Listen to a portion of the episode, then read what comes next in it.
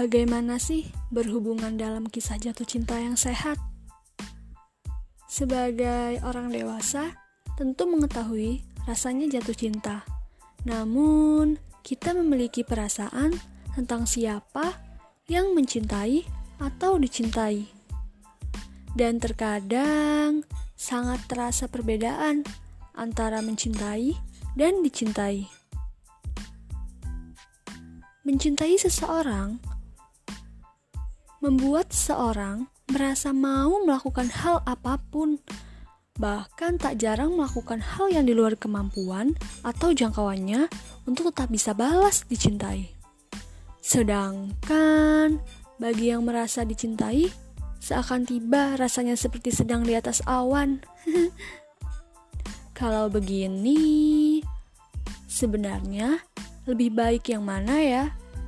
Pihak yang dicintai atau yang mencintai. Menurut Evni Indriani, seorang psikolog anak, remaja, dan keluarga, ia menjelaskan bahwa hal yang baik adalah mencintai. Mungkin bagi sebagian besar orang pasti berpikir merasa lebih enak dicintai karena merasa dirinya berada di posisi lebih atas.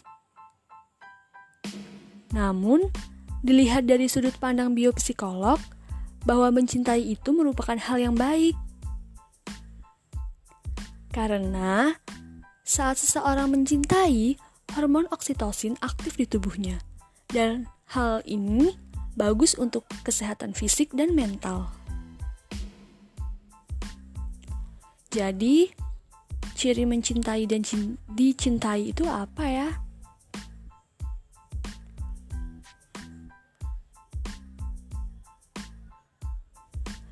Jadi, mencintai seorang itu artinya memberi dan saat dicintai itu artinya menerima.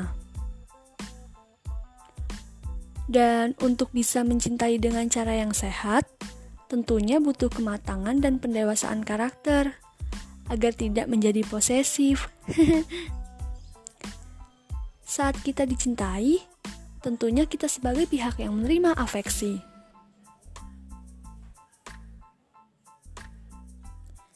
Dan ketika seseorang mencintai, mereka memberikan apa yang jadi miliknya. Bisa waktu, harta, atau benda. Yang membuat proses mencintai menjadi sehat atau tidak ke mental seorang, yaitu proses keikhlasan saat memberikannya. Ketika dicintai seseorang, biasanya lebih terbiasa menerima. Sehingga saat kurang mendapat perhatian, akan muncul reaksi protes darinya.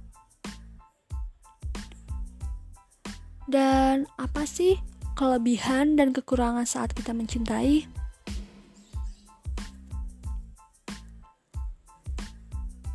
Kelebihan mencintai itu adalah kita terlatih untuk bisa memberi dan jika dilakukan dengan keikhlasan, hal ini sangat baik untuk pendewasaan.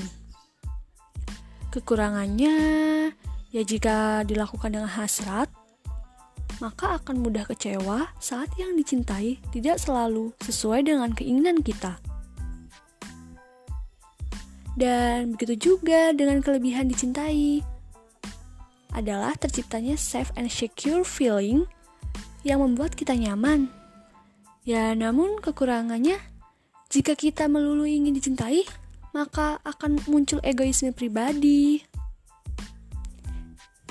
Jadi, di sini tips jatuh cinta yang sehat itu bagaimana sih? Jadi sebaiknya antar, uh, antar hubungan atau sebuah hubungan yang sehat harus ada give and receive, memberi dan menerima.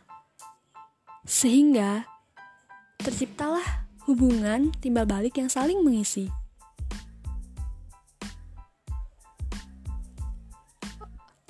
Aku mau cerita nih dari mencintai atau dicintai. Jadi menurut aku, aku lebih suka mencintai.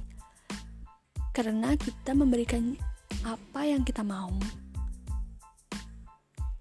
Karena dari diri aku sendiri, kalau aku dicintai dan aku tidak menyukai orang tersebut, itu akan menimbulkan kecewaan pada orang tersebut.